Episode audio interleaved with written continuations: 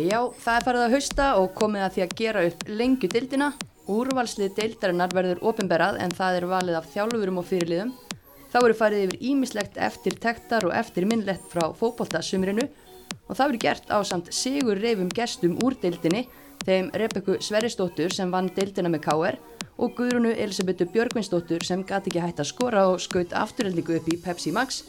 Ég heiti Mistur Rúnastóttir, með mér er Hulda Myrdal og þetta er heimavöllurinn. Jæja, stelpur, hvernig er, líður ykkur? Ótrúlega vel. Já, mjög vel. Það var ekki að. Er það að komast niður á jörðina eftir eh, sigur Vímuna? Já, rétt svo. Maður er svona að komast niður núna held ég. Ég gæti ekki sofið í marga daga eftir á. Er nokkuð. Nei, ég svaði þrjá tíma eftir leikin. Hvað er langt síðan þetta var? Hvað er langt síðan það voru að fagna hérna þessu öllu? Einu hálf. Já, Sen þið byrjuðið að fagna. já við, ég var að fagna að löða þetta en það núna. Já, gott já, var lokahóf. Já, Já, ok. Við erum að spyrja út í það og eftir er búið að halda lokahóf hjá ykkur, vantilega ekki. Nei, Ja, það er núna á lögudaginn bara. það er núna lögadag. Mhm. Það verður svaka fjör. Spennandi. Hver er að spila? Hver er að spila? Já, Já, á lokahófinu. Ég, ég er ekki búin að heyra dagskrána, sko. Æja, æja. ég get ekki, ég get ekki séð Fær maður bara að googla það. Já. Kvöld. Já, en hvernig var að lokahófinu ykkar, Guðrún? það var bara mjög gaman, sko. Frekar, já, ok, það var fínt. Já, en Það var ekki svona, það var frekar, rugglað. já, það var rugglað. Þú veist, með að hvernig stuðningsmenn, eða stuðnings bara fólki í brekkun er, þá get ég ímynda með Já. að sko lokahófið hjá okkur sé alveg trill, Sko, það var á kjalanissi sem ég held að hafi aðeins svona, rugglaði fólki. já, svona nettu kannski allir að mæta, skilur. En við Mosó? allar stelpunar. Ég veit það ekki, það var eitthvað þessi ár. Halda, En- sko, þú veit, með bæjarflið eins og Mós og heldur partíð á kjálnesi, það En Já. þá lengra. sann sjá. En allan það sem ég man eftir var gaman. já, já, gott. Allt skilið, átt að skilið eftir 23 mark. Já, en hvað er þú að byrja? Hulda, hvað er þú að byrja? Það Ég- er svo margt sem að... Fú, fú, fú. Sko, já, bara ef við byrjum á þeim tveim hérna, þú veist, Rebecca, við býðum aðeins með því við erum búin að spyrja okkur oft að þessu hérna í sumar, búin að fá margar spurningar. Uh, hver er Guðrún Elisabeth? Getur þú kannski svarað þessu fyrir okkur? Hva, hva, hvaðan kemur þú? Bara, Uh, ég kemur nú bara á listskautum. Nei, já, það, ég var, var í listskautum frá 5 ára aldrei til 14 ára og byrjaði sín fótbolta 14 ára. Fórst ekkit fyrir fótbolta? Nei, ég var eitthvað smá þegar ég var 5 ára eða eitthvað, svona með sum, á sumrinu. En svo var ég bara skautum til 14 ára og var í landslegin á skautum og svo byrjaði ég fótbolta 14 ára. Já. Og hvað hva fekk þið þess að færa þið yfir í fótboltan? Uh, Sýsti mín hefur alltaf verið fótbolta, hún er Sandra Dögg, hún var alltaf í afturhildingu og þannig ég var alltaf svona með fylgjast með henni og svona, svo er ég náttúrulega bara frá stóri fótbolta fjölskyldi þannig að ég er bara svona, hef alltaf verið eitthvað inn í þessu og fannst gaman að horfa á fótbolta Ummitt, en talandu um það, það ummitt kom upp úr krassinu okkur í viðtalið þarna um daginn að þú ert úr eh, ansi stóri fótboltafjölskyldu, það er einhver, einhver þokkaleg genanna. yes. Þú segja, segja hlustendum frá því. hann er ekkert mikið að segja, þetta er bara fjölskylda mín sko. Hver, hver er, þú veist, hverjir eru góður í fótbolta í fjölskyldunni? um, það er náttúrulega bara Eður Smári og Arna Guðjónsson og Andri Lukas og þeir allir hvernig er þeir skildir þér? Eða, Sko, ég og Eður Smári erum sískinaböld. Þannig að mamma mín og pabbi Eður Smára, Arnur, eru sískinni. Mm. Yes. Og það var Afi sem var að knúsa þið hérna á vellinum eftir loka leikin. það var svona hann sem vildi láta alla vita, sem var smá óþægilegt, en hann alveg mætti hann með hækjuna bara, var bara ég ætla að finna einn að myndatökum mannin. Sjúklega stolt af, af sinni, hérna, sínu barna barni. Bara eðlilega, ég skil hann mjög vel. Hann sagði líka bara komið tíma einhver stelpa með Guðjónsson nefni, komið, gera eitthvað. En erstu með nafnið? Uh, Nei, mamma mín er Guðjónsson, en það er ekki, þú veist, ég heiti bara Elisabeth Björgustóttir, já, en já. Gætur þú bætt við Guðjónsson? Já, en ég veit ekki hvort ég gera það. Nei. Ymmit, en hérna bakunur í skautum, hvernig, hvað getur þú tekið með þér, eitthvað hittur að hafa lært í gegnum skauta íþróttina til að taka með þér inn á fótballtuvöllin til þess að ná, eða þú veist, vera þá allan með einhvers konar grunn eða Já. eitthvað ekstra. Hvað hérna lærir maður í skautum sem nýtist mann í fótballta? Sko þetta er náttúrulega sjúklega mikill ægi í skautum. Þú veist, ég var að æfa 12 til 15 sinni í viku, bara á henni fór skólan, Ha? eftir skóla. Já, þetta er bara æfingar, bara ótrúlega stránt. Ég fór einn til Finnlands þegar ég var nýjára með, landslýshóp. Ekki með með pappa. Tvísar yfir sumarið. Veit barnavend af, af þessu öllu af, að þessu. Nei, já, þannig að veist, það fylgir ókslega mikill ægi. Og svo held ég líka bara eins og snerpar mín kom alveg vel frá skautanum. Já. Og þú veist, liðileggi og svona, þannig að það er virkilega eitthvað sem ég get tekið. En af hverju hættir í skauðum? Um, ég veit ekki, ég held líka, stór partur var bara, ég er svo mikil félagsvera. Þetta er náttúrulega eins, einstaklingsýþrótt. Þannig að ég var alveg smá, svona margar vinkonum mína voru í fótbolta og ég gátt aldrei verið með þeim og því ég var alltaf bara á skautum fyrir skóla og eftir skóla. Og langaði alltaf að vera í fótbolta en tímdi ekki að hætta á skautum og ég kom svo langt. En síðan var ég bara hætti að hafa gaman og já, prófa að mæta ykkur fótboltaðingar og þá hætti ég bara skautum. Mm, Fannst gleðina bara strax í fólkdaga? Já, en ég reyndar byrjaði aðeins aftur á skautum, hvað var það, 2018 og hætti þá í fótbolta í smá og byrjaði síðan aftur 2019 yfir sumarið í fótboltanum. Ég með svo Já. margar spurningar eftir þetta. Af hverju fær maður að skauta? Ég bara geti Sko, alltaf endalist á. Ég hef oft spyrt mömmu bara hvern, af hverju settur um að skauta, bara, Það er ekki skautað í Mosó, fórstu í já. Og þú veist, mamma ætla alltaf að setja mig í fótbolta og sýstu mín að skauta.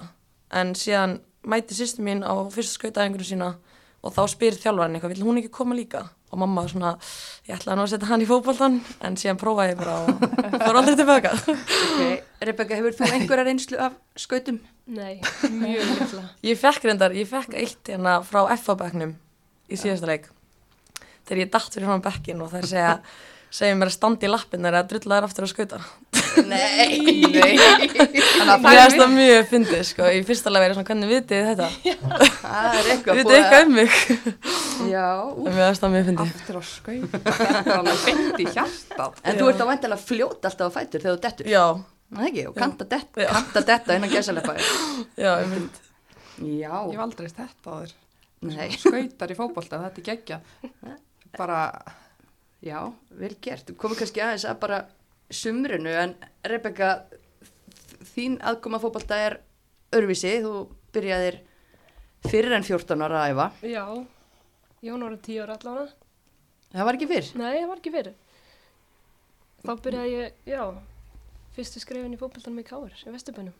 Já, og varst þar heil lengi. Já, fóru gegnum yngreflökunna þar og spilaði með mistarlóki, já, þanga til 2013. Mm. Við föllum í, í fyrra skiptið í fyrstu dildinu með Káar 2012. Þannig að, og spilaði eitt tímabil í fyrstu dildinni, við komumst ekki upp strax. Mm. og skipti ég verið í val og er þar í þrjú ár áður en að ég tek mér sem bara pásu frá fókbaltanum Já, einmitt, af hverju gerur það? það var bara komin einhver leiði ég bara langaði svolítið að, að prófa eitthvað annað uh, taka mig smá frí, Mm. nýta sumarið að eitthvað annað en, en fókbalta um, en svo fer ég í nám til Svíþjóðar tveggjara nám Já. það er svona í framhaldi af því og þá er ég ekkert að spila, ég hefði líklega geta trúðið inn en, en þá bara ákvaði ég að einbeta mér frekar á náminu og félagslífinu þar Mm. þannig að það er ekki fyrir en ég svo flytt aftur heim til Íslands 2019 um sumarið og svo, já, byrja þannig 2020 það afdrykar ekki ár? Skrýt, skrýtna ár. Mjög sem ég byrja aftur að spila fólta en hvað hérna, þú veist, þegar þú ákveður að koma aftur að því að þú náttúrulega, einmitt, búin að hætta hv- hvar var þá, hvar lág hugur þinn? Varst að fara að koma aftur til þess að fara bara all in og láta reyna á hvort þú getur náð, þú veist, fyrri hæðum eða ætlaður bara að koma og, og vera með? Nei, klálega, sko, ég var búin að segja við sjálf mig að ég ætlaði að gera þetta þá myndi ég gera það 100% Mm. og, hérna, og það var alveg að fara að kýtla aftur að, að hérna, spila fótbolt aftur þannig að það, það var margt sem dróð mig þangað og svo var Káur bara að gera flotta hluti á þessum tíma og voru að, voru að styrkja sig með fullt af flottum leikmönnum Mm. Gatin Ásfjörns var komin aftur, vorum að fá Þórdís Rönn, Lára Kristínu uh, veist, all, allir þessi leikmenn sem komu þetta var bara að verða ótrúlega spennandi verkefni Mm. þannig að það líka bara fannst mér metnaðurinn hjá Káur að vera þar og, og, og mér langaði að vera því og náttúrulega mitt uppbyldis félag þannig að gaman að koma aftur Já, og þú áttu náttúrulega slatta af unglinga landsleikjum líka bara þar á undan. Já, einhverja. 16 Rebecca, ekki einhverja, þetta eru 16 leikir og líka bara, þú veist, þú veist spilanast í 100 leiki í efstu deild. Vita ungu stelpunar í káir þetta? Sko, skemmtilegt aðurskildi spyrja Já. því að fyrir tíu árum þá var ég að þjálfa flestar af þessu litlu stelpum sem er núna að spila í meistarflokki með mér. Mm. Þannig það, já, þær voru sjöndaflokki, sjönda, sjötta. Það voru það Margrét þetta og, og Ég- Alma Ma Já, já. Alma og Emilia, Ásta, Hildur. Hildur, já, sem hafa. Er ekki skrítið svo hlutur. spila, spila bara með þeim. Jú, það var svolítið skrítið þegar ég kom, fór að spila aftur og æfa aftur Mhm. með kára að hérna, það voru þær konar um æfingar og það var bara ógeðslega gaman samt. Gaman að, að hérna, sjá að þær eru bara konar á fullt og halda áfram. Mhm. Svo hluti af þessum stelpum. Þú hefur gert eitthvað rétt, þannig í þjálfun. Já, í sjúndaflokkinu. Já, laði grunninn, laði grunninn. En hérna, já, glata, glatar endir á sumrun ykkar í fyrra og þið voruð ekkert frábæra undirbúnstímbilinu. Nei, Uh, við vissum ekkert hvar við hefðum ykkur fyrir mót. Hvað hérna, voruð, fannst ykkur því alltaf að vera með alla burið til þess að bara vinna þessa deild? já, það var alltaf stefnan og við trúðum því og við, það svona kveikti líka í okkur að sjá hérna þriðja sæti, í þriðja sæti, annars sæti einhver staðar sko, en það var enginn sem held ég spáði okkur fyrst sætinu. Nei. Þannig að, já, klárlega, það kveikti svolítið í okkur og bara við ætlum að, að sína... You're welcome. Sína, já, já, takk fyrir það. Ég hérna, vil þakka ykkur hérlega fyrir þetta pepp. Þannig að, já, Mm. klálega. Já, en við spáðum, við vorum, það er einu sem að spáðu afturöldingu upp, er það ekki? Mm. Ekki? Jú, jú, mist þá. Já, við spáðum allavega best. Já. Nei, við settum ykkur í annarsæti. Mhm. og uh, fannst ykkur það pressa, fannst ykkur það kvartning? Mér fannst það kvartning sko og ég held að við tókum það allar þannig en auðvitað var þetta pressa líka en ég held að við náðum bara að spila vel undir þessari pressu. Þið hefðuð ekki geta farið upp ef þið hefðuð ekki höndlað einhverja svona pínupressu. Nei, það held ég ekki. Mhm. En hvernig svona, þú veist, þetta tímabil, uh, bara heilt yfir, kannski bara í stuttum máli, hvernig finnst ykkur deildin hafa verið í sumar? Vorum ekki bara að tala um ykkar lið, heldur bara svona almennt? Sko, ótrúlega jöfn. Það er að koma óvart hvað þetta var jöfn deild? Og ég held að ef við horfum líka bara á sérstaklega neðri hlutan, við erum að tala um að, að hérna, það eru tvö stig á milli tíundasæti og sjöttasæti og þú veist, hvernig einasti leikur þetta var, þetta var hörki leiki bara í Einmitt. hvern einasta skipti sem að mæta völlin í sumar, það sem var bara úgeðslega gaman. Já, og maður sá líka, þú veist, maður gæti aldrei verið bara viss um hvaða lið var að fara að vinna. Þú veist, sama hverju voru að spila móti ykkur öðrum. Þá var maður alltaf bara svona, ok, þetta gæti samt farið bara einhvern veginn. Og svo fór þetta bara einhvern veginn og maður var svona, ha, hvað er í gangi? Einmitt, þið byrjaði að tapa fyrir augnablík í fyrsta leik. Já, Það var nú ekki til þess að- bæta á, á trú okkar huldu á ykkur hann við, já, bara, já, ég var búin að segja þetta. Já, en það, ég man eftir fyrsta leiknum hugsa, ok, við töpum finna fyrir augnablík Mhm. og en ég man hvað vorum fei, feignar að sjá úrslitin í hinum Já, leikinum. það, Mm. Af því að ég held að þið, gerðu þið Jafntefli. Og FH tapar held ég að móti haugum Haukum, eða jafntefli reyndar. allan þú veist það var allir, öll þessi þrjúlið sem áttu að fara að berjast þau voru öll búin að missa stig í fyrstu umferð. Það var bara eiginlega kannski sömurur upp svolítið þetta sömar það var bara, það voru allir að taka stig á öllum það var alltaf séns. Ég man líka bara eftir þetta 1-1, jafn- nei 2-2 jafntöfli við Grindavík fyrsta leik. Og því ég var búin að vera bara, já við erum frá upp, við erum frá upp. Og svo var leikurinn búinn, ég var bara hvað er að gerast ég var bara ekki að sitt í það að stilla hausunum bara nýtt bara, Allir sem hefur spáð Grindavík notabenni tíundasæti, Já. það voru alveg óskrifa blað. Já, Þannig að það verið sjokk. já erfiðar útvelli líka, Já. þess heimavelli sínum þær, Þetta var eiginlega bara svo, svona svolítið þannig deild, bara allir gátt unni alla. Já. En þið, K.R. tapar, hvað, tveim leikjum í sumar uh, Og já, voru það ekki bara tveir Já. að- Jú, í dildinni, já. já. og afturölding tapar þreim leikjum held ég. tveim við töfum, Tveim. já, Tveim, já. Grindavík og Já, já. Þið gerir fleiri, jafntefli, já. Þannig að það, það skilja þessi leið bara tvö stig að, en hvað fannst ykkur svona, uh, bara hil liðin í deildinni, hverjum var erfiðast að mæta? Það er ekkert eitt rétt svar. Nei, sko já, eins og því, við, við strögluðum með augnablík, varst augnablík verið með hörkulið og svo var þetta bara svolítið það var hörkuleikur á móti afturningu þegar við gerum jafntefli í fyrirleiknum og svo var kannski, já, úrslitin svona Já, kannski, hinum. já, já, þú veist það var einhvern veginn, við vorum betur standar í þeim leik en svo erum við að tala um, þú veist, í fyrirleiknum móti FH unnum við 2-0 og vorum bara með góð tök á leiknum en í setni leiknum móti FH þá rulluðu þær yfir okkur, Mhm. gjörsanlega þannig að þetta var svona, Já. þetta var svona sveiflukent Einmitt. svona einhvern veginn þetta sumar og bæði kannski framistæða og úrslit einhvern veginn að alltaf, erfitt að mæta augnablík. Það eru bara svo ferskar einhvern veginn og allar út um allt og maður er bara erfitt að halda í þær. En Líka Já. fyrir skautadrottninguna. Nei, ekki fyrir mig, bara hinar. Nei, en svo líka grindaði mér þess þar rosa fasta fyrir. Veist, það var alveg svona reyndi vel á hausun á mér, mæta þeim. Og svo náttúrulega bara KRF það var svona, maður fann samt alveg, fannst mér. Það var erfiðast að mæta þeim. Já. Já, og það var kannski bara einmitt þó að, að hérna, þið hafið allir mistið ykkur í fyrstu umferð, þá var alveg nokkuð ljóst samt bara strax að þetta yrði á milli ykkar þreggja. Mhm.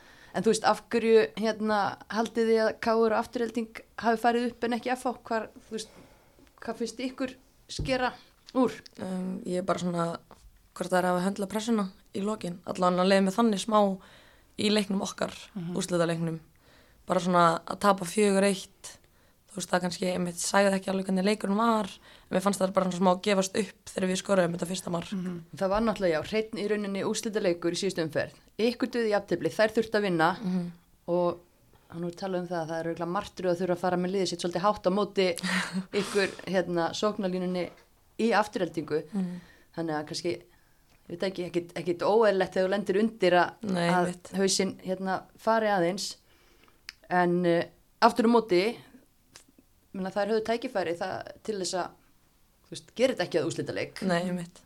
Þannig að það er eitthvað sem að, sem að klikkar. En hvað finnst þér, Rebecca, því að þið lendið í því til dæmis þegar þið tapið hana fyrir FH, talar um að um, það rulluð bara yfir ykkur. Þá bara vendipunktur líka, því að þá er liðið ykkar líka mjög mikið að breytast og, og þá eru hann nýju leikmenn að koma inn, leikmenn sem voru kannski ekki leikform og annað, en maður gæti ekkit endilega sagt að þetta, veist, þessi samsetning væri að fara að lofa góðu fyrir restina af mótinu. Hvernig náðu þið að snúa þessum vombriðum upp í bara þetta gengi sem að þið klári mótið á.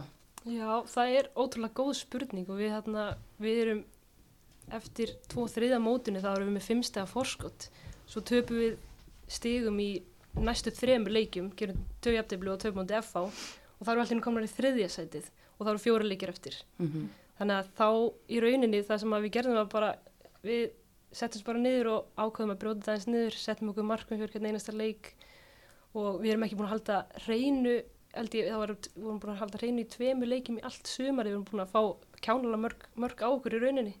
En svo eh, í síðustu fjóru leikjunum þá skorum við 14 mörg og fáum okkur 0 þannig að það, það var í rauninni bara við náðum einhvern veginn að þjappa okkur saman setja okkur saman sammeilin markmið sem voru bara einbytt ykkur á því að, að halda þessu marki hreinu og, og henda okkur fyrir öll, allt sem að var að fara að gerast Mm. á okkar helming og, og í okkar teig og það einhvern veginn, já hefnaðist ótrúlega vel með, með að við hvað líka einmitt, var mikil mannabreiting við vorum mistum held ég fimm eða sex byrjunlýsleikmenn og þá, þar með talin Guðmundabrinja langmarkahast í leikmaður Káur og Mhm. Ingun Haraldsdóttir fyrirliðin okkar. Einmitt. þannig að þetta er, er ekki bitar sem við vorum að missa þetta var, já, þannig að þetta var bara ótrúlega, þetta samveldni og þetta lið bara einhvern veginn small saman og náða að þjappa sér saman. Einmitt, Ingun Haralds fer í atvinnumennsku einmitt, síðasti leikurinn hann var held í FO leikurinn, ég get alveg ímynda mér að hún hafi verið með smá hnút í maðanum að yfirgefa ykkur þá, en þá tekur þú í bandinu. Já. hvernig var að fá þá ábyrð? það var bara eitthvað sem að þurfti að tækla og vonandi gekk það vel Já, það ekki, Jú, 14-0 Nei, fjóri í röð í rest segðu bara að þú rúla þessu upp, Rebecca. Já, uh, það var kannski meiri stöðuleiki í ykkar mannskap. Það var svona að vera að kera meira á sama liðið það ekki og jafnvel kannski meiri stöðuleiki heldur en síðustu ár. Já. Þannig fundist vera svolítið miklar mannabreitingar og róteringar. Hvernig upplifið þú það sem leikmaður? Sko, ég held að allir hafi bara, bara þjálfanir hafi sett bara rosa mikið tröst á liðið, þú veist, bara á þær sem voru að byrja. Og einhvern veginn bara ég held að allir hafi verið að tala um daginn að, að, að hann hafi startað sama liðinu oftast í allir dildinu eða eitthvað svona. Og ég held að hann hafi bara sett mjög mikið með tröst á okkur bara sem byrjuðum þetta að enda þetta, skilur Og þú náttúrulega eiga þitt bara lang besta tímabil, 23 mörg í átján leikjum. Þú hlýtur að þá að fundi fyrir þessu trösti. Já, ég hef aldrei fundið fyrir svona trösti, sko. Ég náttúrulega hef svona í gegnum árun ekkert endilega verið með mikið tröst frá þjálfurum eða þjálfara sem var og síðan taka þeir við í fyrra og ég hefði ekki skorað eitt mark á mínu mistralflokksferli sem ég byrjaði hvað 16 ára held ég og þá skoraði ég eitthvað tvö í byggar einhvern tíman og svo var ég bara ekki múið að skora meir. Og svo taka þau við í fyrra og ég skoraði fimm í áttalegjum og svo bara allt þetta núna. Segja bara hvað sjálfstöðs gerir mikið. Það er, já, það er bara þannig, þetta er rosalegt og hérna, einmitt, þrjár þrennur, Fimm held, eða fjóru sinni svo skorar tvö mörg allavega. Þetta er mörg mörg. En þið, hérna, þið lenduðu í fjórðasæti í fyrra, þú veist, eru þá við sjáum alveg að þetta er gott lið, en hvað breytist bara á milli ára núna? sko ég held smá á milli ára þú veist, fyrir þetta tímabil Mhm. þá var alltaf eiginlega bara nýtt leið hvert einasta Já, já. ár en ég var alltaf ein eftir eiginlega alltaf eina sem fór ekki neitt þú og og, Sigrun Gundís eða Já. ekki? Já.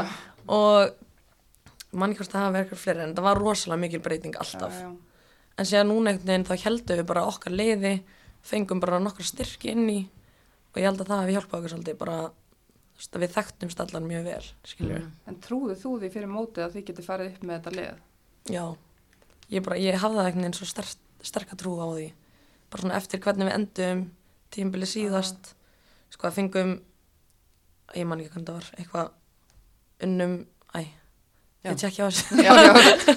Nei, en allavega endum vel í fyrra já, já. og svo gekk okkur bara alveg vel á undirbúrstímbilinu og Mhm. ég held að við höfðum allar einhvern veginn trú á þessu. Og ég held að það hafi alveg hjálpað mikið. voru eitthvað markmið sett innan liðsins fyrir mótið að þið ætliði bara upp Já, já, það var alltaf bara skýrt markmið, sko.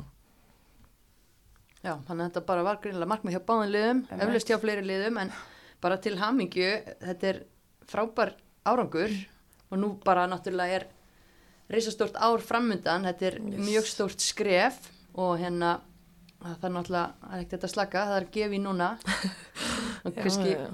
aðeins bara við byrjum á káurliðnum að sá hérna í loka leiknum ykkar, kemur heiðiskipting og, og þrjár mömmur koma inn á Já, Ég veit að allavega einu ekki tvær ætla að leggja skóna á hillinu og þetta var kveðjuleikur.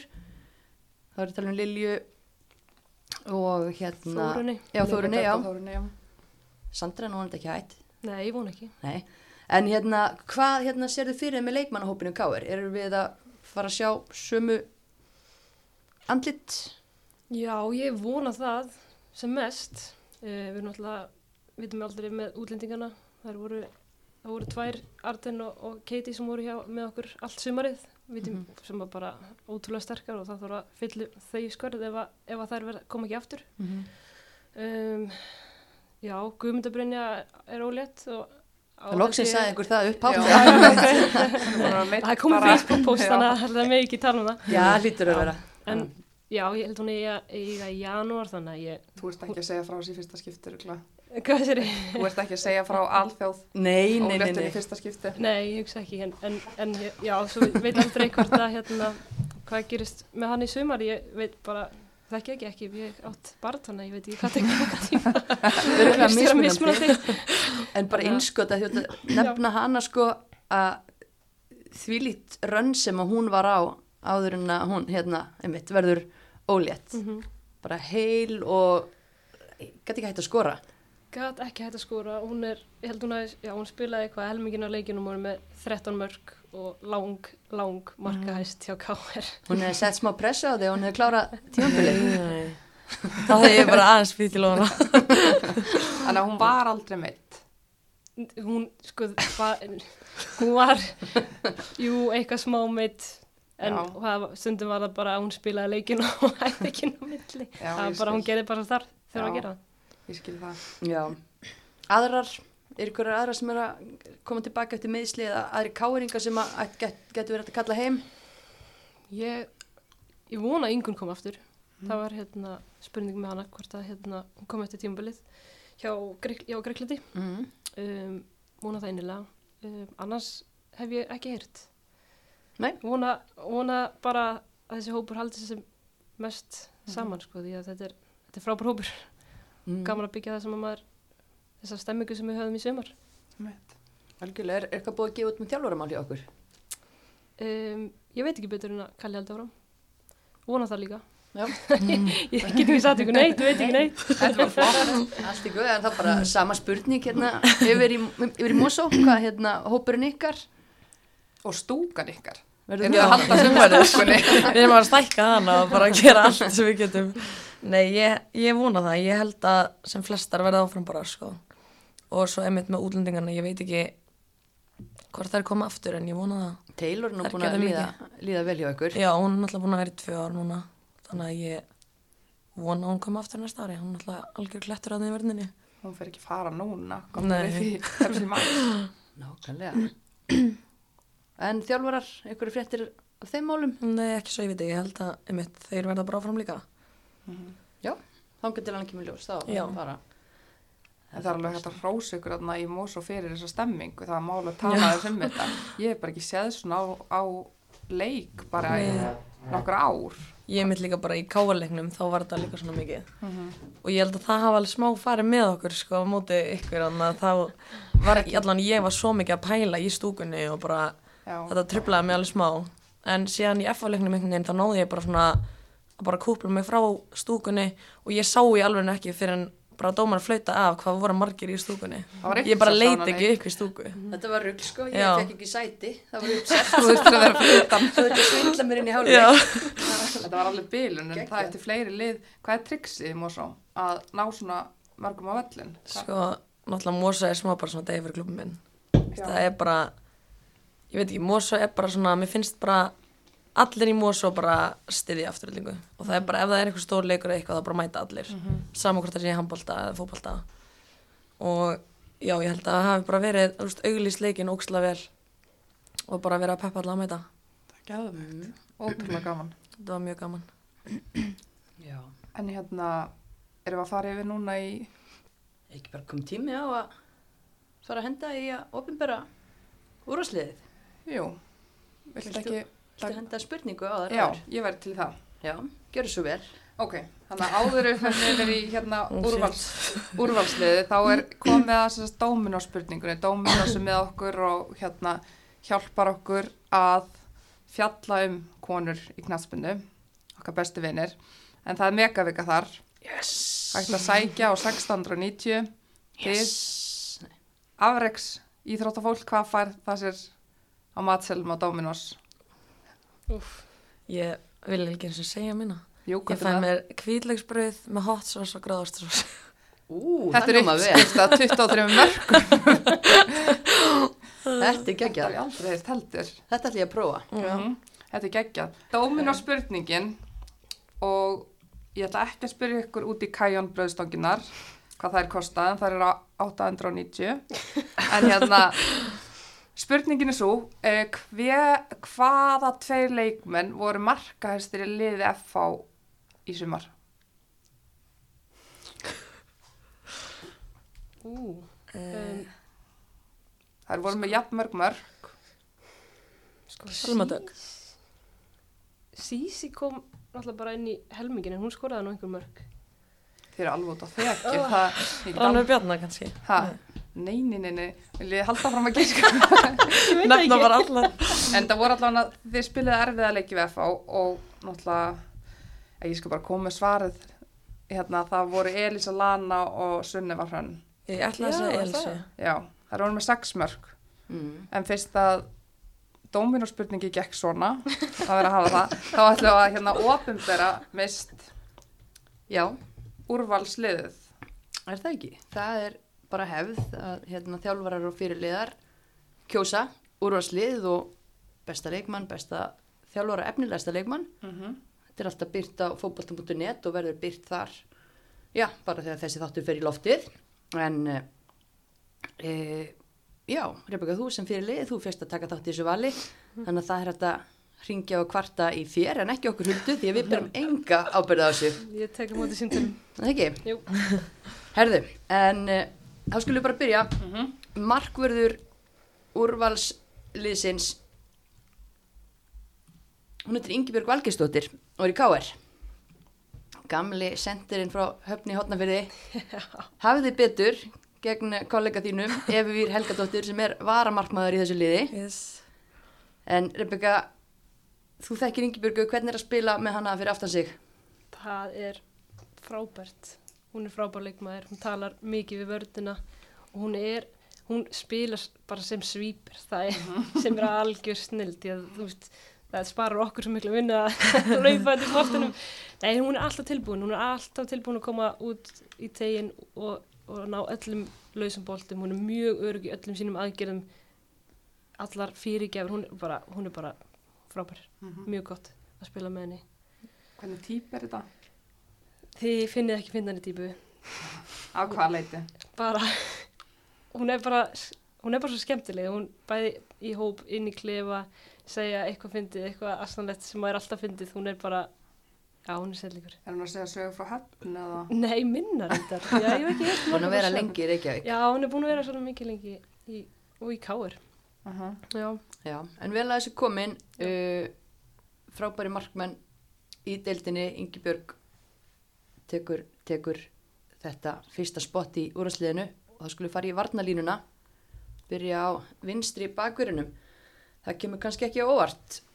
Næstu í fullt hús hjá Sunnefu Hrönn Sigurvinsdóttur F.A.ing. Stelpur, hvað getið þið sagt mér um hana? markahæsti leikmaður.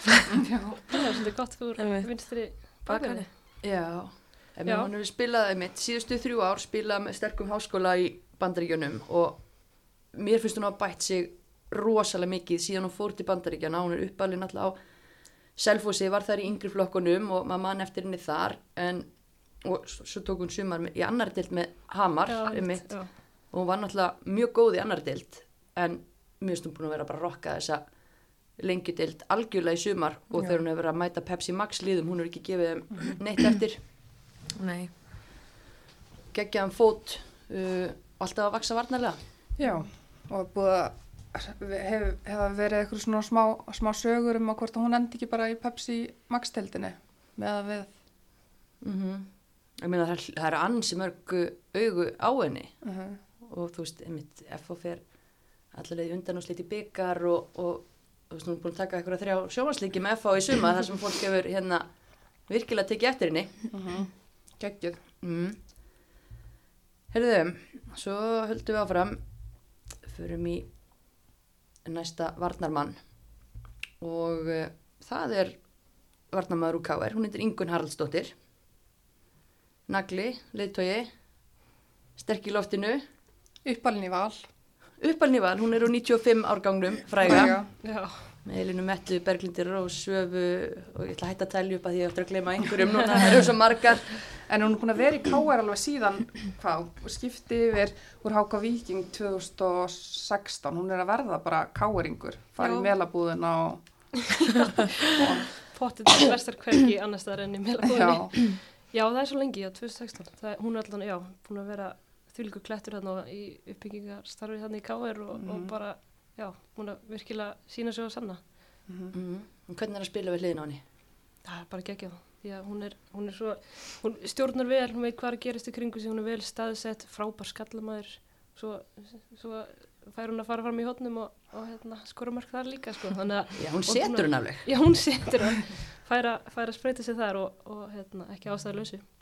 Ertu búin að heyra eitthvað í henni eftir hún flutti til Greiklands? Já, við erum búin að vera í svolítið sambandi.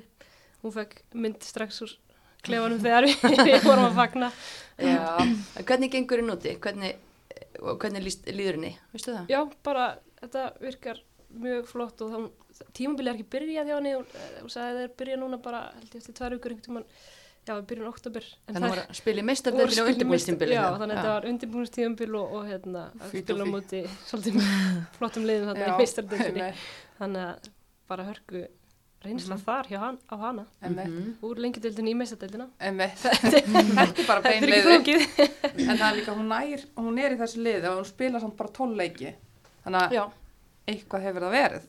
eitthvað hefur það verið og uh, Já, það er mitt, þú bara, hérna, getur lagt í aðeins, sko, ég er alveg en hérna, það er eh, nefnilega annar káringur sem er þarna við hliðin á yngunni í vörninni. Og hún heitir Rebecca Sveristóttir. Hún situr hérna með okkur. og það er líka öflugur varnamæður sem fekk aukna ábyrð þegar að leiða tímumbilið. Tóku fyrirlega bandiru, eins og við nefndum á þann og bara gerði það frábærlega og þið settu í lásatni í lokin. Mm. Hvað viltu segja um sjálfa þig sem? Nei, tjók. Hvernig er það að spila á mótinni, Guðrún? Það var náttúrulega ekki auðvelt sko og mér varst bara, já, það er bara ekki auðvelt, ég ekki sagt bara, já, Nervitt að skauta fram ma hjá. já, maður kemst ekki fram í hann sko. Já, Sáum það í gáleiknum hana, 3-0, Já, einmitt. ég var ekki alveg, Nei, en hérna bara, já, þetta er kjánulegt að standa hérna og eða sitja og vera eitthvað svona auðsaði hérna lofi. En, við getum haldið áfram. Við getum gert það og þetta er náttúrulega frá þjálfurum og fyrirliðum deildarinnar þannig að þetta er svona opinbera valið og það náttúrulega lítur að vera uh, mikilvægast að fá viðurkenningu frá kollegum sínum. Já, klárlega, þetta er bara mjög mikil viðurkenning um þetta að fá svona rós frá þeim sem maður eru að spila móti og hafa séð mann. Þannig að, já, virkilega. Sátt. Já, hvað? Þú færði heim, heim sátt okkar, Rebecca. Herðu, viltu vita hver er með okkur í vörninni? Endilega. Já, við, það er F-fáingur, Erna Guðrún Magnúsdóttir, fyrirlið F-fá Mm og þar eru við líka að tala um mikla reynsla, reynslu, mikill leiðtói, hún er bara 21 ás en búin að spila 142 leiki, 21 árs. 97. 24. 24, Já, sorry, 24, já, já, ég var líka bara, vó, starfaði alveg, klukkan er ekki svona maður. En hún er samt bara 24 og hún er með sko 142 leiki fyrir FH Mm og á yngri landsleiki og er bara, hún fjall alltaf með FH í fyrra en mætir aftur og hún er, stelpur, hvernig er, þú ert kannski ekki, ekki mikið að klást við Ernu Guðrúnu en hvernig er að mæta Ernu Guðrúnu? Já, það Nei, er bara þú- erfitt að mæta F á já. finnst mér. Já, Bara þú veist, já, kannski hún var svolítið opinn í síðasta leiknum okkar en eins og í fyrri, þú veist, það var mjög erfitt. -hmm. þú ert líka bara sender, þú ert ekki að pæli því eh, hve- hve- hvernig þú ert að spila móti, ég skil það alveg. En er eitthvað sem að bara þið munið eftir sem að þið hefðu sett þarna í varnalínuna? Ég setti nú bæði Sunnefi og Er- Ernu. Mm mm. Þannig að, og ég reyndar að setja tvær afturlending. Já, það er ég viljað sjá Taylor sko, afturlending fær fæst mörg á sig sko og það er alveg áhugavert að þið er ekki fulltrúa í vörninni en bæði Taylor, Elena og Eva er voru allar nálætti. Já, Þannig að stundum bara ræðast þannig úr, úr kortunum og þær eru þá á bekknum. En svona eru, já, Já, ég myndi alveg trista þessari vörð fyrir lífum mínu. Það, það, eru vel að þessu komnar þessar fjórar, þannig að við erum að spila, hvað erum við að spila bara fjóra, fjóra, hann spila fjóra, þrjá, þrjá. fjóra, þrjá, þrjá.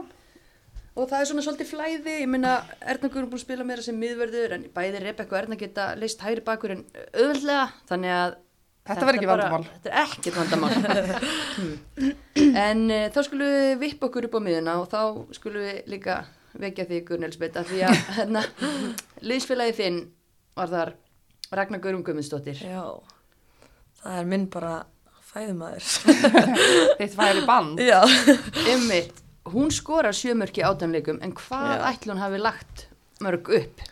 Ég, við vorum eitthvað að tala um þetta um daginn, sko, ég held að hafa alveg verið allan 20, sko. Þetta var svakalegt.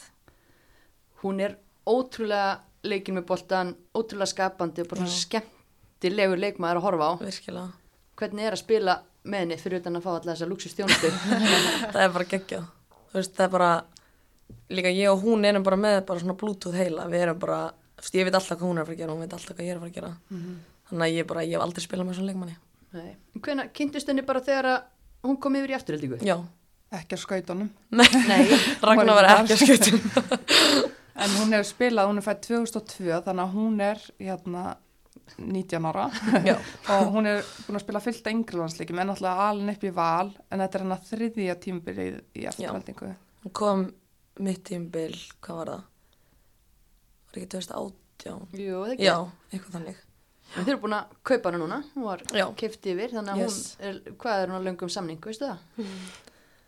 Sko, ég veit ekki hvort það sé, ég held að það sé út þetta tímbil eða hvort það sé út næsta líka. Mhm. Ég alveg viss. En þið ljótið að ætla að prófa Bluetooth tengingur saman í, í Pepsi Max. Þetta, ég, ég fer ekki dánan það, sko. Nei. En það eru tvær, það eru tværi viðbót á miðinni. Já, uh, það er F-fóðingur, Selma Dögg Björgvinsdóttir, Duracell kannina, vinnu fjarkur, gefst aldrei upp, Mm hættuleg, vinnu sem tilbaka, bara klárlega Verðskulda. hérna, sæti þar. Hún er út um allt bókstála. Hvernig var að elda hana? Því ykkur fannst nú erfitt að elda hann einhver káringum hana á, í frostaskjóli. Já, bara ótrúlega vel spilandi leikmaður og, og hérna, á móti þessari miðju og hún stóð þar vel upp úr þannig og, og hérna, já, virkilega erfitt að mætinni. Og hún Já. bæði mjög klók með boltan, bæði í fótunum og, og bara með góðar úslita sendingar. Mhm. Þannig að, Líka bara virkilega duglega leikmar. mm. Algjörlega. En þetta er sko, ég var að taka eftir því núna, þetta er þriðji leikmaður sem er hérna uppalni val. Það er líka Já. Ingun og svo er það Ragnar Guðrún. En hún hefur samt, hún, hún er búin að vera í FH bara lengi núna. Uh, hún spilaði eitt leik með val 2018 en hefur verið svona, hún er FH-ingur eða ekki, orðin. Ég held það, ég minna hún kom hérna og spjallaði við okkur í þætti í voru og mér fannst ekki annað að heyra á henni nema hún er bara FH-ingur. bara all, all in, allavega með við hvernig hún spilar leikinn, þá er hún að spila hjart, eh, með hjartanum, fyrir klúbbin, þannig að, hérna, algjörlega. En mun ekki eitthvað lið að reyna að ná í hana? öruglega. Ég er alveg vissu það það sem hérna á þessum lista sem er ekki farnar upp. Það er nú bara alltaf þannig að það kemur ljós hvaða tölið fara upp og síðan þurfa hinliðin að fara einhvern veginn að reyna að verja sína leikmenn með kæft og klómi eða bara leifa þeim að fara á stærra svið eða gera ykkur að díla. En hérna það er annar leikmaður sem er og verður mjög eftirsóttur, ég held við getum gefið okkur það. Ung og efnileg með þeim á miðinni, Mikaela Nótt Pétursdóttir eh, í haugum hún er í liðinu sem miðjumæður í ár. Í fyrra var hún í liðinu sem varnamaður þannig að hefur, hún hefur fært sig, fært sig aðeins framar á völlin og já, hvað var að segja, fjörleifur, mjög efnileg leikmaður, búin að bæta sér síðan í fyrra, góðu leikskilningur, spila boltanum mjög vel frá sér og mikil yfirvegun. Hún spilar eins og hún sé svona þrítug. Hún er 17 ára, hún er yngsta í liðinu, hún fætt 2004. Ár. Er úti í Serbíu núna með U19 landsliðinu, Mhm. búin að spila með U15, U16, U17 og U19 og einmitt er 17 ára en er búin að spila tvö heil tímabil í næst, næst, eftir já, deild. já. Þannig að, eh, já, var valin efnilegust deildin í fyrra Mhm. og það heldu margir að hún myndi kannski, eða þeir því reynda kroppa og var eflaust reynda kroppa já. en þá lítur að vera ennþá meiri hitti í Já, hafnafyrinum Hún er búin að fá eftir símtöl. þetta tímabil.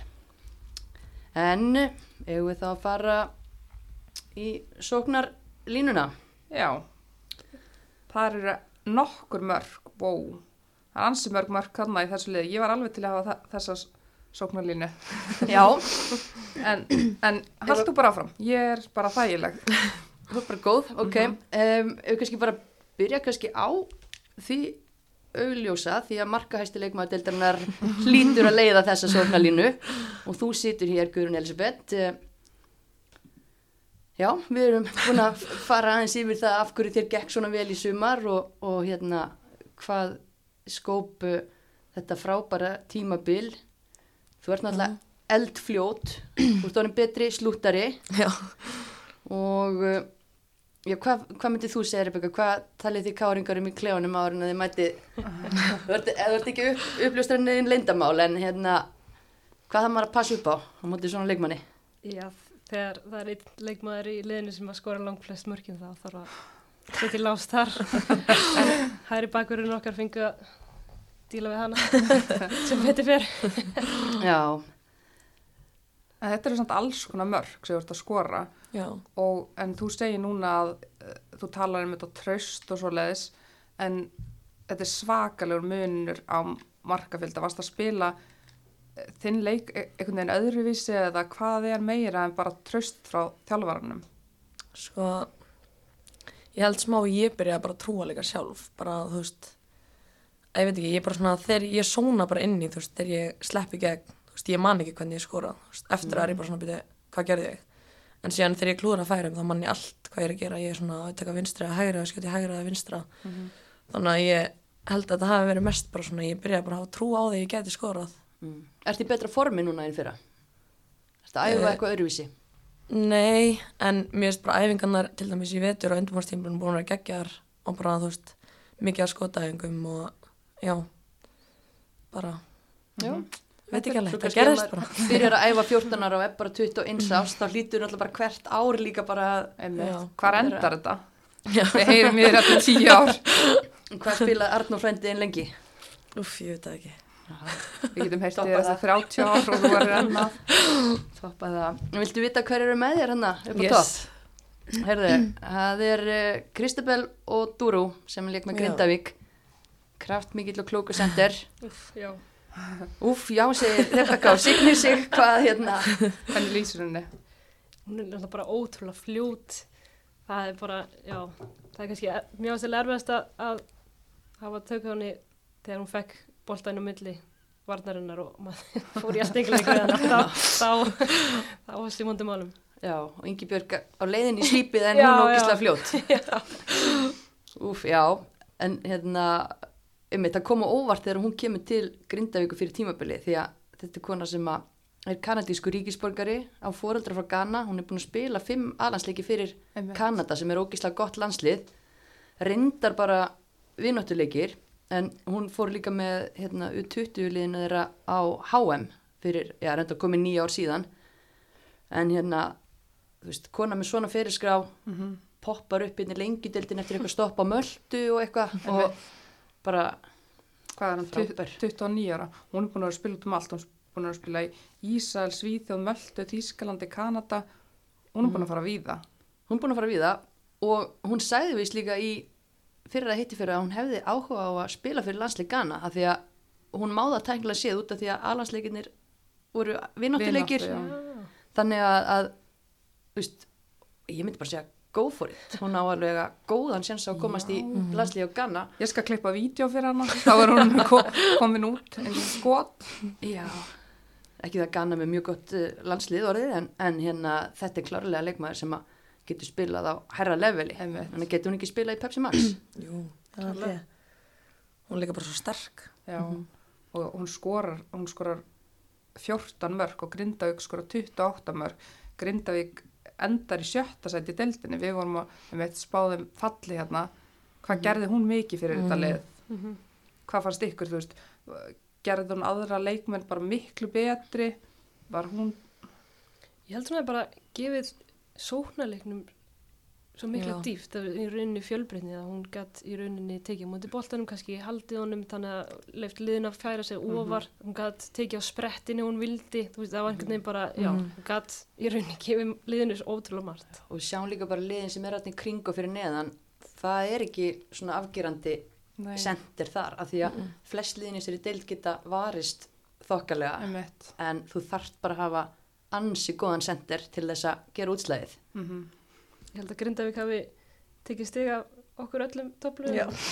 Já, algjörlega. Já. gera það, bara hrósa á, á hérna, klálega og ef að Kristabel og Dúru verður ekki Pepsi Max næsta sumar þá vilja hann í Grindavík. Já. ekki? Jú.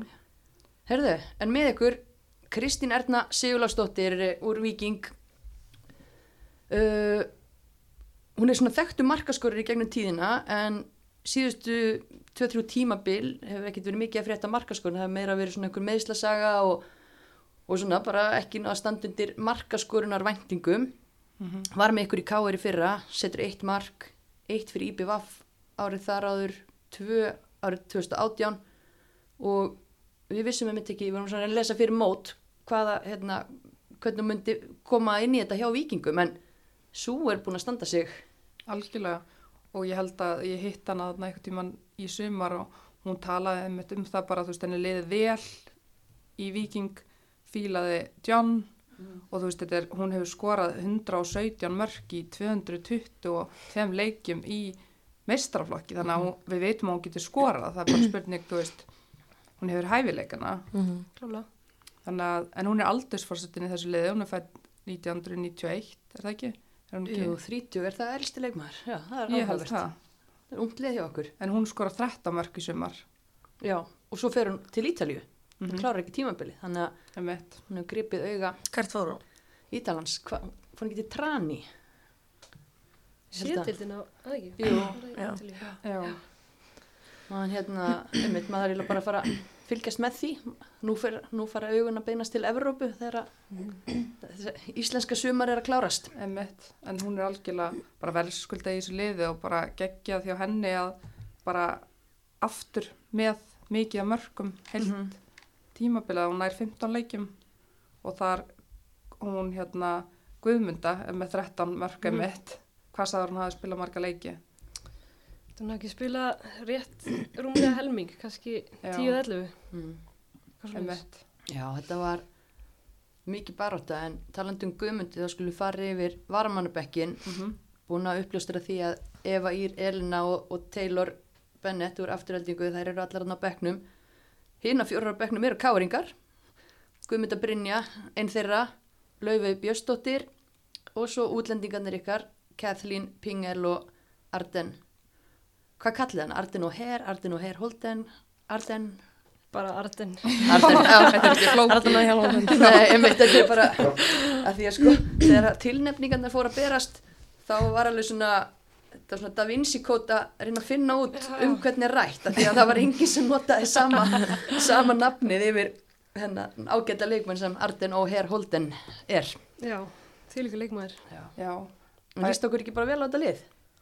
jú en þessir erlendi leikminni K.R. þú veist, væri þú til að hafa þessar með þér í Pepsi Max næsta ári? Já, ekki spurning. Ég held að ég hefði valið Arden sem leikmann tíumpilsins hjá okkur í kjár og Mhm. því líkur leikmaður, með leikmaður, hún er mitt sagði við okkur eftir tíumpili, ég hef bara aldrei lagt jafn mikið í eitt tímumbil og þetta, þannig að það er ekkit, ekkit sjálfgefið að fá útlending sem bara leggur alla sál og, og líf í Mhm. allt, einhvern veginn Mhm. berjast fyrir liði sem eins og það hefur bara verið uppalinn sko, Mm þannig að því lít lukka að fá hana. og það verður valin leikmaður á sem sjá okkur á næsta lögata þá væntalega Já, alltaf ekki.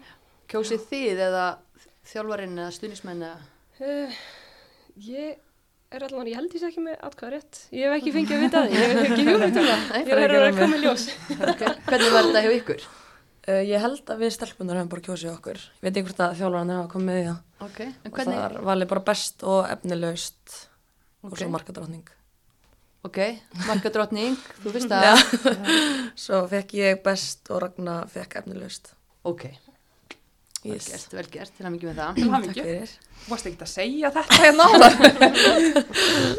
Hóvær, herðu, en uh, viljið þá ekki vita hver er bestu efnilegust besti þjálfarinn í deildinu og svona? Það ekki? Yes. Uh, það var nú svolítið einn við um besta þjálfarinn í deildinni þá það kemur kannski ekki óvart að það voru þjálfarinnir ykkar sem að svona voru byttust um það en uh, það var annar þjálfarinn sem að vann deildina, Jóhannes Karl og hann er þjálfari ásinn sem að þjálfari á fyrirliða í deildinni Hvernig þjálfari Kalli? Frábær, frábær, bara virkilega gaman og líka skemmtilegur. Það, veist, er, þetta er hann fín lína sko að, að vera einmitt með einbyttinguna í lagi en, en líka hafa smá leta stemmingu á æfingum og hann gera það frábærlega og allt hrús á hans skilið með þegar við vorum allt ínu komnar í þriðasæti þannig að í lók tíumbilsins og, þurftum virkilega að, að taka okkur saman og, og hérna, allt hrús á hann fyrir að, að þjappa okkur saman og, og hérna, ná, að, ná að klára þetta þannig að aftur bara ég vona að hann verði áfram hjá okkur og ég held að, held að það sé stefnan. Já, vona að Kalli sé að hlusta hann þetta er náttúrulega potjett þannig að skilabóðin allan að skýr. En uh, efnilegasti leikmaður í lengjudildinni 2021 Er þið ekki spenntar? Mjög, alveg bara, London, þannig miða við uh, fæðingar árið 2003 og uh, það er gaman að segja frá því að það er leikmaður sem er að vinna þetta annað ári í röð. Mikaela Nótt Pétursdóttir Já. í haukum og eins og við komum inn á áðan, varnamaður í fyrra, Mhm. miðjumæður í ár. Verður hún sendir? Nei. Hérna, en þetta er náttúrulega bara hrikalega spennandi leikmaður og við kannski sögðum flest sem að við vildum segja mm áðan. Er ykkur að fleiri sem að ykkur dettur í hug? Fyrst við, þú veist, við vitum Mikael er geggjaði leikmaður og á eftir að ná langt. Er ykkur fleira sem að þið sjáuð þarna 2003 og eftir Já, sko, Vigdíslilja í augnabliki, hvað sanna, Mhm. Hvar, hvar spila hún? hún var, hvort hún var fremst á miðju eða mm. -hmm. að hún Já. hafi eitthvað verið að flakka hann á milli. Við, hún, já, ég meina, við vorum að basla við Mm með augnablík og, og, og virkilega erfitt að kljást við hana þannig að hún svona Mhm. stóð upp úr fyrir mér. Já, ég náttúrulega veit ekki alveg hvað það eru gamlar allar en, en ég man bara bakurinn á móti mér í augnablik, ég veit ekki alveg hvað hann heitir en mér fannst hún virkilega erfið. Já, Birna Kristín mögulega. Já, ég held það. Rauðhærð. Já, Já. akkurat. Mm. Mér fannst hún mjög góð. Þær er hún, fengu- hvað er hún gömul? Hún er 2004. Já. Já. Já. og Vigdís 2005 er það ekki? Margrét Lea líka þannig í Já, augnablík, það er náttúrulega eru svak- augnablíkslið, þetta er ótrúlega efnilegt. Er það ekki lið. bara efnilegast? Jú, en við getum talað eða allar upp þannig Já. klárlega, sko. En hérna, einmitt einhverjar af þessum leikmunum fengu tilnefningar sem, til efnilega stóra þær fengu allar hérna, tilnefningu í hérna, lið ásins þannig að Já. það er fullt af efnilegum leikmunum og, og hérna, já, Mikael og Nótt, klárlega einn þeirra Yes. og það verður bara gaman að sjá hvað, Mhm. einmitt hvort hún verður sendir í úrvalsliði lengjudeldina 2022 eða hvað. En, Þá er það stærsta já, leikmaður ásins viljum við trommuslátt. Já, ég vil trómast að allir sem er að hlusta bara sækja trómmunar og Eru tilbúinar? þetta er svakalegu leikmaður. Besti leikmaður lengjudeildarinnar 2021 Guðrún Elisabeth Björgvinsdóttir Það var alveg. Innilega til Takk fyrir. Það bætist í, í hérna veluna gripa Já. skápin Guðjón sem nættarinnar. Ætla bara að gefa af hann Einmitt, bara. afið þarf að stækka skápin. Nei, já. Til hamingju, Takk fyrir. þú eru vonað þessu? Nei, ég ekki. Ég sé það þig. Þeir eru báðar mjög Já. þið verða átti gráð því að við náðum í ykkur hérna að þeir eru tveir bestu leikmenn í deildinni og, og já, áttu rugglað sumar, þannig að vaknast. Já, það er að koma. Það er að syngun. En já, bara til hafingi með þetta, það er bara hvað fáum við að sjá frá þér í Pepsi Max-deildinni? Hvað, vonandi einhver mörg allavega. Já, Nei, bara, þú fyrir það ekki, ég ætla bara að gera það sama og ég er búin að gera í lengi deildinni. mhm, það er virkað. Já. Þetta er ekki ofmetnast eftir hérna öll þessi, öll þessi velun Nei, nei, en já, bara, ég ætla að leggja ógslag hært á mér bara í vetur og vera tilbúin í Pepsi. Eru lið búin að ringja í þig, einhver önnur lið?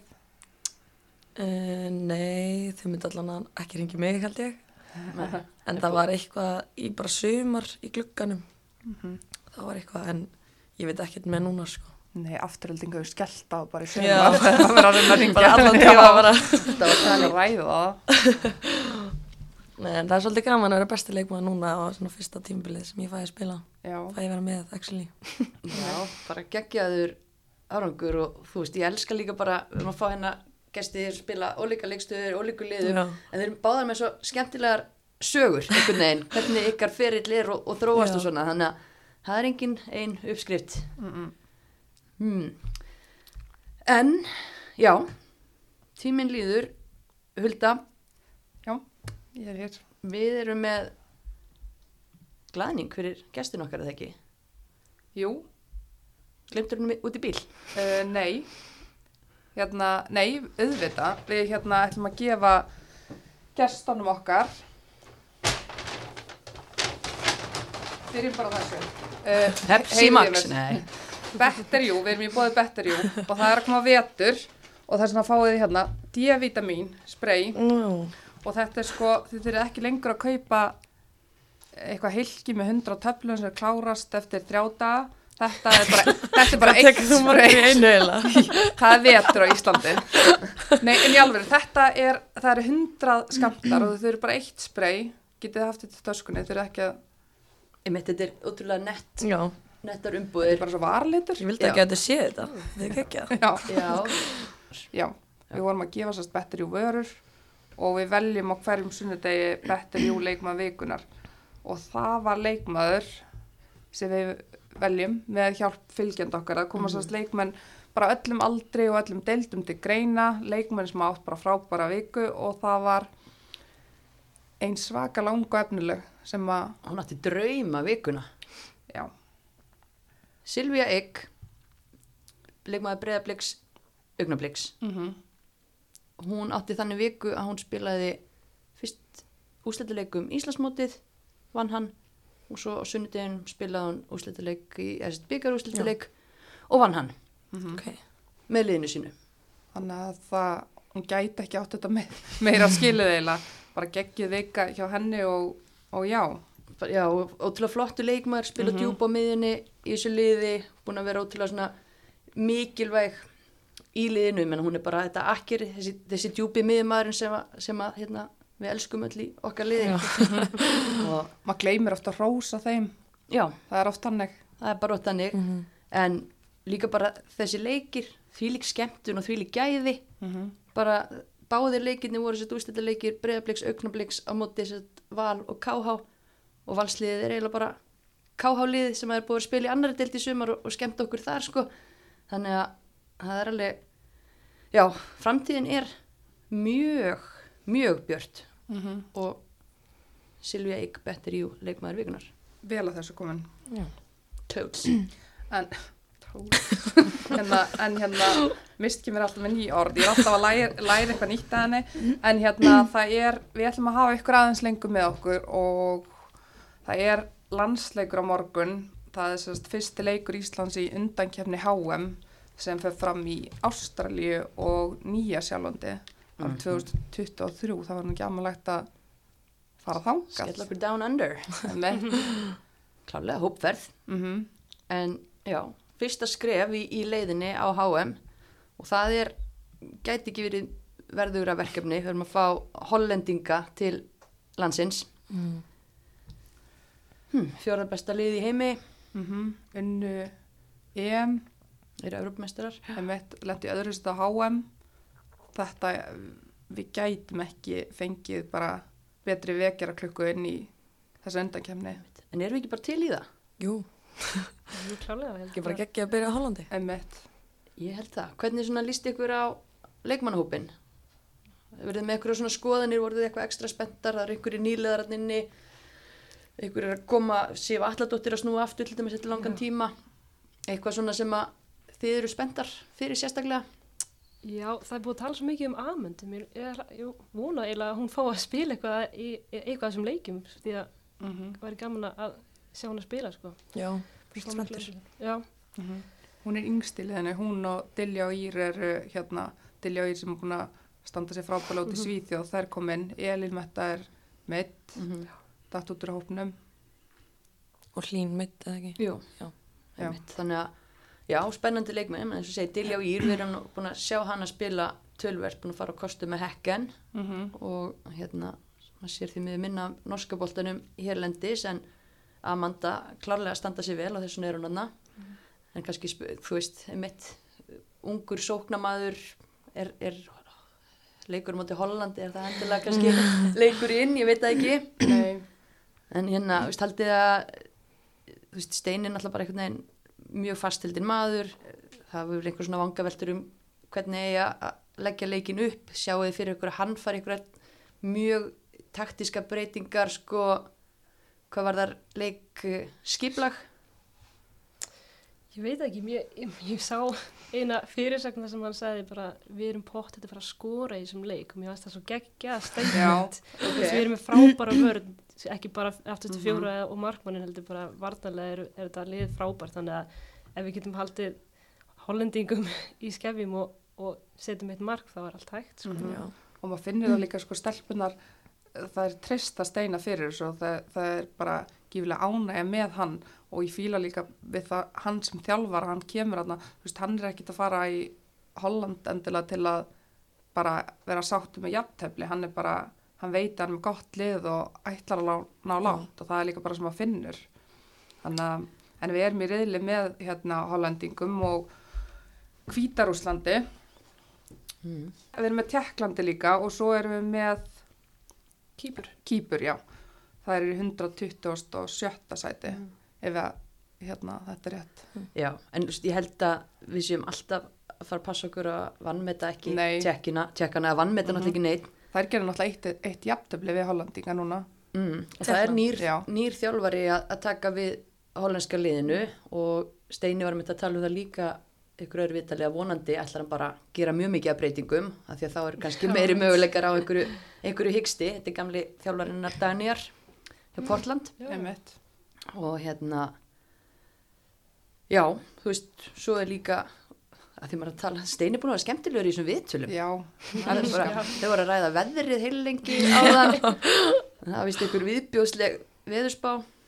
Það stoppar okkur ekki. Nei, það er bara Það kveikir bara. Já, Það já, er fínt að fá rók raskat bara á hollensku stór, stórstjórnunar en það er náttúrulega með svakalega leikmenn.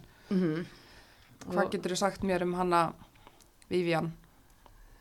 Mítið að við rættum hann alltaf heilengi um daginn en mér finnst líka bara fínt hjá Steina að til þess að stoppa hana þarf ekki bara að pæla í henni þú þarf bara að passa að leikmenn kom ekki boltanum á hana. Mm og hérna og, og það er náttúrulega bara alveg hárétt og, og þá kemur aftur umræðan ætti að vera þryggja hafsenda kerfi eða ekki þú veist það er ekkit auðveldar það er ekkit endilega árangusríkara ef þú ert allar að reyna að koma í veg fyrir að hún fái nei, við þurfum bara að halda boltanum, þá fær hún ekki boltan.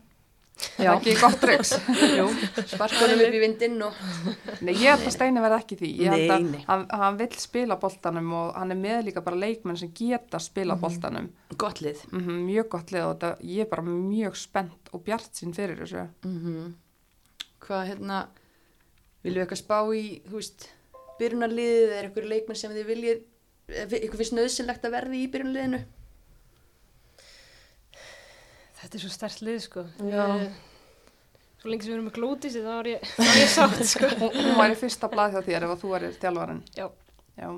En til að, en, en svona eh, eitthvað framar á vellinum. Hver er þá? Já, það verður spennt að sjá Elin er náttúrulega dottin Já. út. Það verður spurning hver hérna gripur þá það. Nefnt. Berglind hlýtur að þetta að spila og, og eins og Steini sagði, hann bara, maður er ekki búin að gera neitt annað en að lesa viðtöl við, við Steina það er hún og, Berg, nei, hún og Elín búin að spila nánast upp á mínútu sama leiktíma síðan að Steini Já. tók við og nú náttúrulega fær hún tækifæri til þess að já, mögulega taka 90 mítur og hún í standi það Mm. Mm. Þetta verður, mjög, mjög spennandi. Já, en við þurfum eiginlega bara líka að hvetja fólk til að mæta það er Já. þá þetta að kaupa með það, tix.is vera það bara með vettlingana. Já. teppið Snjókalaps. Nei, þetta verður ótrúlega gaman og líka bara gaman að sjá stelpuna núna þar eru margar að spila úti, hafa bætt sér svakalega mikið, þú veist, ég meina Svendis er á leiðin í Mhm. Wolfsburg núna, bara mæta á völlinu og, og sjá þessar, þessar leikmenn spila. Já. Mér finnst líka bara geggja þessir ungu leikmenn. Þær Mhm. eru bara svo styrlaðar. Ég veit. Þú Veist, það er bara svo gaman að sé að koma svona núna ný kynnslóð og þær eru allar bara í stórum liðum og bara Ég veit. geggjaðar. Mhm. Bara ef það er eitthvað tíman, bara líka bara fótboltasumarið er búið, þarna getur mætt á völlinu á morgun og Mhm. hort bara á fjórða besta liði heimi mæta Íslandi, þú veist, þetta verður ekki betra. Nei, og bara langt síðan síðast það er alltaf bara, mér Einmitt. alltaf að liða, svo langt á milli, ég er alltaf svo spennt þegar að Mm það er landsleikur í, í Já, bara má fara á völlin og gaman. mm þannig við verðum allan að þar Yes. Mm Heldur betur. totally hvað er að mér? Ég eldist um svona tíu ár, veist, þegar, þegar þú byrjar. Nei, yngist segi ég, yngist við þetta. já, æ, úf, já, allan að þú veist, eftir klukkan svona hálf tíu á kvöldin þá, Ertu komin í tóts? þá, þá er ég þar Já. það er bara þannig Mm um, en já, við höfum alltaf eitt eftir síðast en ekki síst Hulda, yfir til þín Það er heklan. Bestu bílarnir, bestu konurnar. En eh, hekla er búin að vera með okkur, hversu lengi? Mjög lengi. bara, ég man ekki eftir lífinu öðruvísi Nei, en hérna þið getur náttúrulega farin að heima síðan að hekla.is, veslaði ykkur bíl, þjónustan gæti ekki verið þægilegri, þú getur bara sendt fólki spurningar örgla allan sólarringin eða þú ert í ykkur vesinni, mm -hmm. þannig að þetta gæti ekki verið heimilislegur og betra, þannig að við veljum alltaf í takt við bestu bíluna, bestu konunar og það eru konur sem er að skara fram úr já, utanvallar. og það er komið að því núna að verðlauna einu svona heklu og við ætlum að velja í þessum þætti á ég að segja það? Já, já. Hún er mjög vel að þessu komin. Þessi hekla, hún heitir Solrún Sigvaldadóttir. Bam. Mm -hmm. Nei.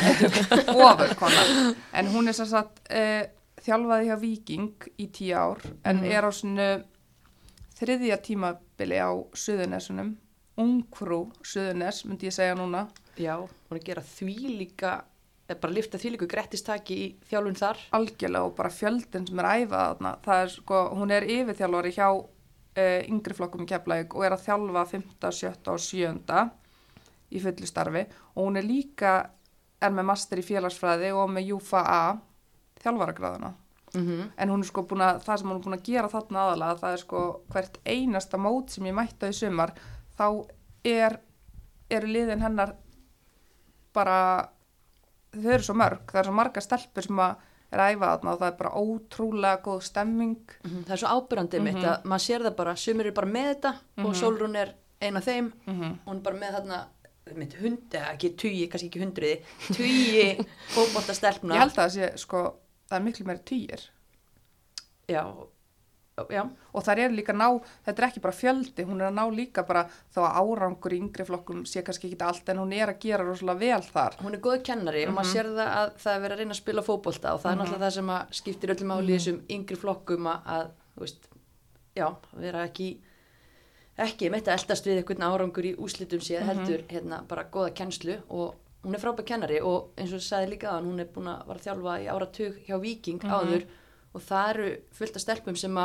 við erum að sjá núna komnar, þú veist, í kringum meistaraflokkin og hingað þangað þar sem að það fari gegnum skólan hjá Solrúnu. einmitt, bara þvíli kona.